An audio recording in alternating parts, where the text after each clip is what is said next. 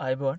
අද දෙදස් විසිය එකේ ජනවාරි තුන්වනිද රට කරන හැඩි පොඩ්කාස්ට් එකේ තිස් නවනි කොටසත් එක් එකද හැමෝම වෙනද වගේම අදත් ආදරෙන් පිළිගන්නවා. ඒ වගේම තමයි පොඩ්කාස්ට් එකේ තිස් අටවැනි කොටසත් එක් එකතුුණු අපිත් එක් අදහස් පෙදාගත් හැමෝටමත් ගොඩක් සූති කියලා කියන්න ඕනේ. අද අපි කතා කරන්න බලාපොරොත්තු වෙන්නේ ලංකාවට යුක්‍රේන සංචාරකින් ගෙන්නන්ඩ පටන් අරන්තියනේ ව්‍යාපාරය ගැන සහ ලංකාව ක්‍රියාත්ම ගැන මෙ දුරකත්තන සේවා සපයන්නන්ගේ මාෆියාව ගැන ඒකොල්ලො මිනිස්සුන්ගෙන් මුදල් වංචා කරන විදිහ ගැන. අප පළවෙනි මාතෘකාව දිහාවට හැරනොත්තෙම ජනවාරි දෙවනි දනකොට ලංකාවට යුක්‍රේණයෙන් සංචාරකයෝ තුන්සි අසුනාවයක් ඇවිල්ලින්නවා ඒ වගේම තමයි තවත් තිස්සරහට යුක්‍රේණෙක් සහ රුසියාවෙන් සංචාරකය ලංකාවට ගේන්න සැලසුම් කරලා තියෙනයි කියලා රජය විසින් ප්‍රකාශ කරලා තියෙනවා. ඒ වගේම ඒ වගේම ලංකාවට ඇවිල්ලන්න සංචාරකය තුන්සි අසුනාවෙන් පස් දෙනෙක්ට කොරෝන තියෙනයි කියලත් මේ වෙනකට හොයාගෙන තියෙනවා.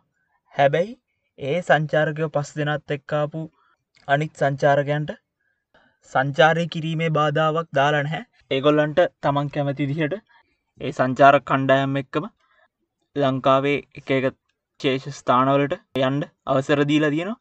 ඉතිං ඔය තත්ත්වය තියෙන අතරම සංචාරකය තුන්සි අසුවක් ලංකාවට ගෙන්න්නන වෙලාවක ලංකාව මිනිස්සු ලංකාවම පුරවැසියෝ හිරවෙලා ඉන්න විශේෂම මැද පෙරදිග රටවල්වල ඒ මිනිස්සුන්ට ලක්ෂ හතරක් විතර ගෙවලා ලංකාවට එන්න සිද්ධනයි කියලා ශ්‍රී ලංකා රජයෙන් ප්‍රකාශ කරලා තියෙනවා. ඒ ගැන ප්‍රවෘත්ති වාර්තාවෙලා තියෙනවා. ඉතිං මේ මැද පැරදිග ඉන්න ලංකාව මිනිස්සු සමහරුන්ට හරියට මේනකොට ඉන්න තැනක් නැහැ.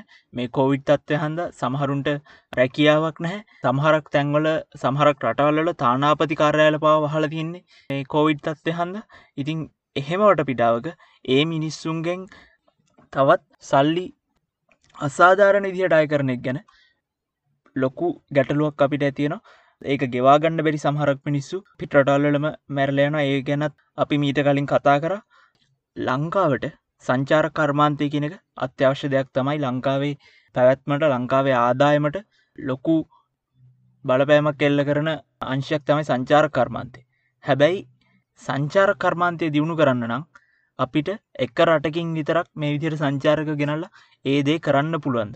මේක ගැන හිතනකොට අපිට මතක් වුණා මේ මීට මාසගීපයකට කලින් උදයංග වීරුතුන්ග කියන පුද්ගලය කරපු ප්‍රකාශක් ගැන.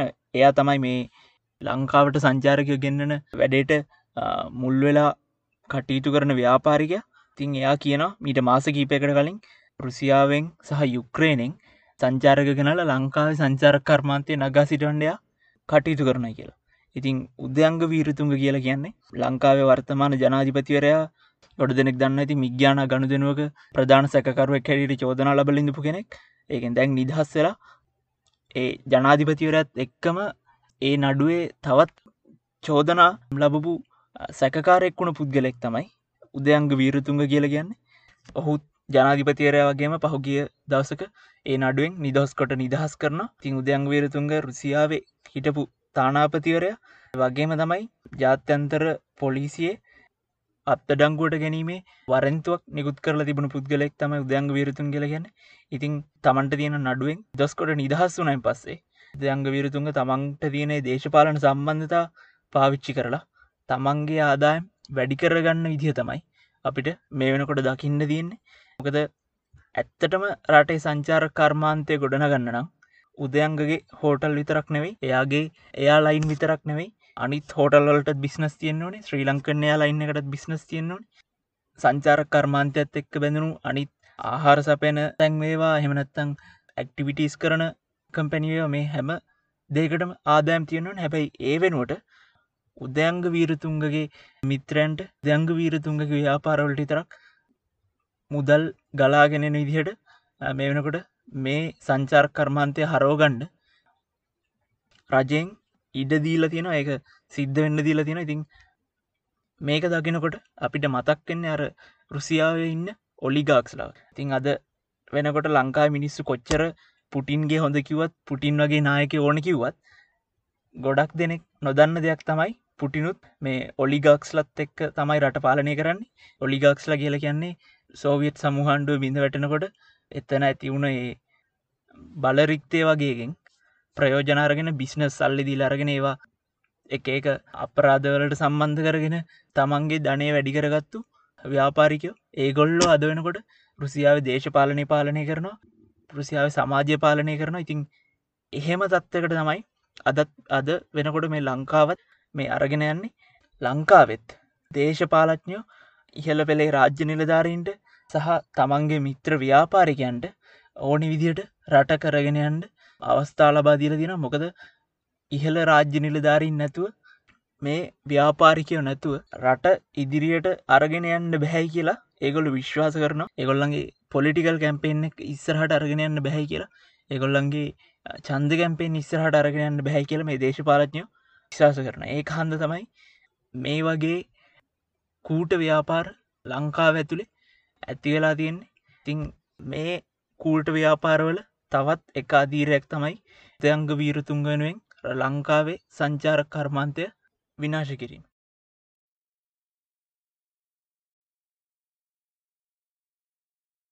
ඉති ඊළඟට අපි කතා කරන්න බලාපොරොත්තු වෙන්නේ දුරකථන සේවා සමාගම් මුදල් ගසාකෑම සඳහා කරගෙන යන තවත් එක් ව්‍යාපාරයක් ගැන මාෆියාවක් ගැන. අපි මීට කලින් අවස්ථාවල් ගණනාවකදීම ලංකාවේ දුරකථන සේවා සමාගම්වල සහ තොරතුරු තාක්ෂණය තියෙන අඩුපාඩු ගොඩක් දුරට කතා කරලා තියෙන චේෂෙන්ම මේ අන්ලිමිට ඩේට පැකේජ් වගේ දේවල්ල තියෙන අවශ්‍යතාවය ගැන අපි කතා කරලා තියෙන ලංකාවේ තියෙන කෝවිඩ් අත්තත් එක්ක පාසල් ශිෂ්‍යන්ට එතකොට කැම්පස් යන ළමයින්ට කාර්යාල සේවකින්ට මේ හැමෝටම අන්තර්ජාලය කියල ගන්න අත්‍යවශ්‍ය දෙයක් වෙලා තියෙනවා. මේක ගැන සමාජ මාධ්‍ය ජාලවල ලොකු කතා බහක් ඇතිවෙනකොට ඩයිලොග් ආයතනය වගේ මහා පරිමාණ ආයතන ඒගොල්ලන්ගේ මුදල් බලය යොදාගෙන ඒ ඇතිවන රැල්ල විනාශ කරන්න කටයුතු කරලා තියෙනොයි කියලා චෝදනාත් ඇවිල්ල තියෙනවා. හැබැයි අද වෙනකොට මේ ගැටලුව දේශපාලන තලයටත් ඇවිල්ල තියෙනවා. ලංකාවේ සමහරක් දේශපාලන පක්ෂ මේක ගැන කතා කරන අපි දැක්ක. ජනතා විමුක්ති පෙරමුණ පහුගේ දවසක මේක ගැන උද්ඝෝෂණ මාලාවක් තියෙනවත් අපි දැක්ක. ඉතිං ඒ කොහොමුණත් තවමත් ඒකට නීතිමය වශයෙන් හරි පියවරක් අරගෙන නැහැ. සහ ප්‍රතිපත්තිමය වශයෙන් යෝජනාවක්වත් තාම පාර්ලිමේන්තුවේ එලියට වෙලන එක් ගැන කවුරුත් කතා කරලා නැහැ.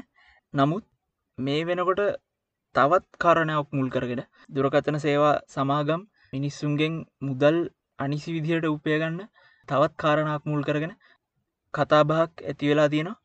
පහුගේ දවසක නාගනන්ද කොඩිතුවක්කු කියන නීතිීඥවරයා තමන්ට කෙනෙක්ගෙන් ලැබුණු ලියවමක් පල කරලා තිබ මේක තිබ්බේ දුරකථන සේවා සමාගම් වැලිය් ඇඩඩ් සර්විස් කියන නමින් ඉනිස්සුම් නොදැනවත්ව ඒ වැලිය් ඇඩඩ් සර්විස්සලට තමන්ගේ පාරිභෝගිකයන්ව එක් කරලා එගොල්ලන්ගෙන් මුදල් අය කරගන්න ක්‍රමයක් ගැන එගොළන්ගේ එලියුමේ පල වෙලා තිබ්බ.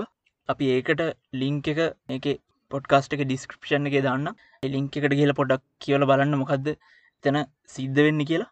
මේ වැලිවඩ සවිස්සල්ට මිනිස්සුන් අනවසරෙන් එකතු කරගන්නෙක් ගැන චෝදනාවක්කාවට පස්සේ නාගානන්ද කොඩිතුවක්කු එස්සෙල්ලොග් එකට ගිහිල්ල කියනවා ඒගොල්ලක් ඉන්ටව එකකද කියනවා මේකට නීති මේ පියවරගන්න සූදානම්. ගැන තාක්ෂි තියෙනවනම් ඉදිරිපත් කරන්න කියලා ඉතිං ඉල්ලීමක් කරන්න තියෙන මේලා පොඩ්කස්ට කහනගෙන් ඒක ඒකට මොනහරි සාක්ෂි තියෙනවනම් වැලි වැඩඩ් සර්විස් කියලා තමන් කැමැත්තෙන් එකතු නොවුණු සේවාවකට තමන්ගේ දුරගතන සේවා සපෙන ආයතනය තමන්ව එකතු කරලා තියෙනවන ඒක ඒ සාක්ෂි ස්ක්‍රීන් ෂෝට් එකක් හරි හෙමොක්හරි දෙයක් තියෙනවන ඒක නාගනන්ද කොටිතුවක්කුගේ ෆෙස්බුක් පේජ් එකටවන්න හැබැයි ඒ වගේම තමයි පොඩි මතක් කිරීමක් කරන්න ඕන.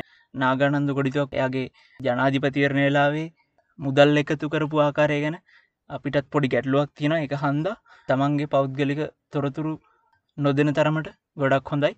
එහෙම කරන්න අකමැතිනම් TRCSL එකට මේක ගැන කම්පලේන් කරන්න පුළන් මොකද නාගනන්ද මේ මේ ප්‍රශ්නය ගැන කතා කරනකොට ඒක දැකල වෙන්න ඇති TRCSL එක. ඒකළ තමයි දුරගතන සේවා සපයන්නන් අධීක්ෂණය කරන්න තියෙන රාජ්‍ය ආයතනය. ඉතින් ඒගොල්ලෝ නිවේදනයක් නිකුත් කරලා ගෙන දුරගතන සමාගම් මේ වැලි වැඩඩ් සවිස්වලින් ලේසින් අයින්වෙන්න පුළන්ගන දිහට OTP කෝඩ් එකක් හඳුන්වා දෙන්න ඕනේ. එම නැත්තං සෙල්ෆ් කෑප් එකක් වෙබ් පේජ් එකක් වගේ දෙයක් හඳුන්න දෙන්න ඕනි කියලා. ඉතින් මේ නිවේදනය නිකුත් කරන මේ නිකුත් කරපු නිවේදනය ලිංක එකත් අපි ඩිස්ක්‍රපෂන් එකටම දාන්නම්. හැබැයි මෙච්චර කාලයක් මේ වගේ දෙයක් වෙන්ඩ ඉඩදීපු සමාගම් මේ හදිස්සිය මේක නිවැරදි කරයි කියලා අපිට විශ්වාස කරන්න බැහැ. ඒක හන්දා අපිට මේක ගැන පියවර කීපයක් ගන්න පුළන් පලවෙනික තමයි අපි කලින් කිව්වගේ තමන්ළඟ දුරගතන සේවා සමාගම් මෙහෙම වැලිවැඩඩ් සවිස්සලින් මුදල් කපාගන්න එක ගැන සාක්ෂි තියෙනවනම් ඒක නාගානන්ද කොඩිතුවක්කුගේ ෆෙස්බුක් කකවුන්් එකට පුළුවන්නන් යවන්න. එම නැත්තං වැලිවැඩඩ් සර්විස්වලින් තමන්ගේ මුදල් කැපෙනයි කියලා තේරුණොත් හෙම ඒක ගැන තමන්ගේ සේවා සපයන ආයතනයට බිටල්ලය ඩයිලොග්ගේවා හච් එයටල් මේ මොකක් හරි කම්පැනීකට කෝල් කරලා එක ගැන කම්පලේන් කරන්න. එහෙම හරියන්නෙත් නැත්තං TRCSL එකේ වෙබ්සයිට් එකටත් අපි ලිංක එකත් දාන්න ඒ ලිංක එකට ගිල්ල බලන්න. ඒගොලන්ට කම්පලේන් කරන්න පුළන් මොකද අපි කියපු නිවේදනයම TRCSL එක සඳහන් කරලා තියෙනවා. හෙම දුරගතන සේවා ආතනවලින් අනවශ්‍ය විදියට මුදල් අය කරගන්නවන ඒ වෙනුවෙන් අවශ්‍ය පියවර ගන්න සූදානම් කියලා ඉතින් ඇත්තටම සිද්ධ වෙයිද නොයිද නොයිද කියන අපිට කියන්න බැහැ නමුත් ගන්න පුළුවන් හොඳ පියවරක් කියලා තමයි අපි දකින්නේ. මොකද මිනිස්සු මේක ගැන කම්පලේන් කරන තරමට රජයටත් ඒ ආයතනයට තේරුම් ගන්න පුළන්ගයි මේ වැරැද්දේ තියෙන දරුණු බව මේ කී දෙනෙක්ට මේකින් අසාධාරණයක් වෙලා තියෙනවාද කෙනෙක් ඒ වගේම තමයි තුන්වැනි පියවර තොරතුරු තාක්ෂ නමති කෙනෙක් නැහැ. තාක්ෂ නැමති කෙනෙක්කින්නේ තාක්ෂ නමති තමයි ජනාධිපතිවර එයට තමයි TRCSL එක පාලනය කිරීම බල තින ටෙලිකොම් එක පාලනය කිරීම බල තින්නේ මේ ඔක්කොම තියන්නේ යාගේ තාක්ෂණ මත්‍යංශයටද ඉතිං පිට තියෙන අන්තිම පියවර තමයි ජනාධිපතිරයට මේ සිද්ධ වෙන දේවල් ගැන කම්පලේන් කරන එක. යාගේ ටූල්ස් පාවිච්චි කරලා මේකටත් විසිඳුමක්ද යරානිත් ඒවට ඉතිං ජනාධිපතිවරයා කන්ටක්් කරන්න ජනාධිපති ලේකම් කාර්යාලේ කන්ටක්ස් අපි ඩිස්ක්‍රපෂන් එක එකත් දාන්න ඒ වෙබ්සයිට් එකට යන්න ලිංක එක. ඉතිං ඒකටත් ගිහිල්ලා එතන මේ ලැඩ්‍රස එකක් ඇති. මේ ලැඩ්‍රස කරා මේක ගැන කම්පලේන් කරන්න පුළන් ඒ වගේම තමයි පි විශ්වාස කරනවා මේ තාක්ෂණික යුගයකදී ඩේට කියල කියන්නේ අත්‍යවශ්‍ය දෙයක්. තොරතුරු දැනගැනීම අයිති මිනිස්සුන්ට තියෙන්න්න නම් මිනිස්සුන්ට ඩේට තියෙන්න්න ඕනේ. ඩේට නැහැ කියල කියන්නේ මිනිස්සුන්ට තොරතුරු දැන ගැනීමේ අයිතියක් නැහැ කියන එක.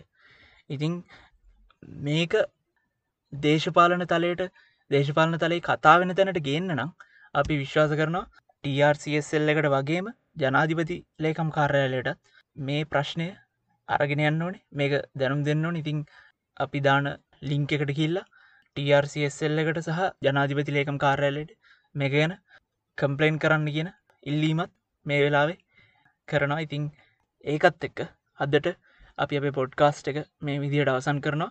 අදත් පොඩ්කාස්ට් එක තිස්නාවනි කොටසත් එකකද හැමෝටම පෙනෙද වගේම ගොඩක් ස්තුති කියල කියන්නවන පොඩ්කාස්ට් එක හතලිස්සනි කොටසෙන් හමනක ආයිබුවන්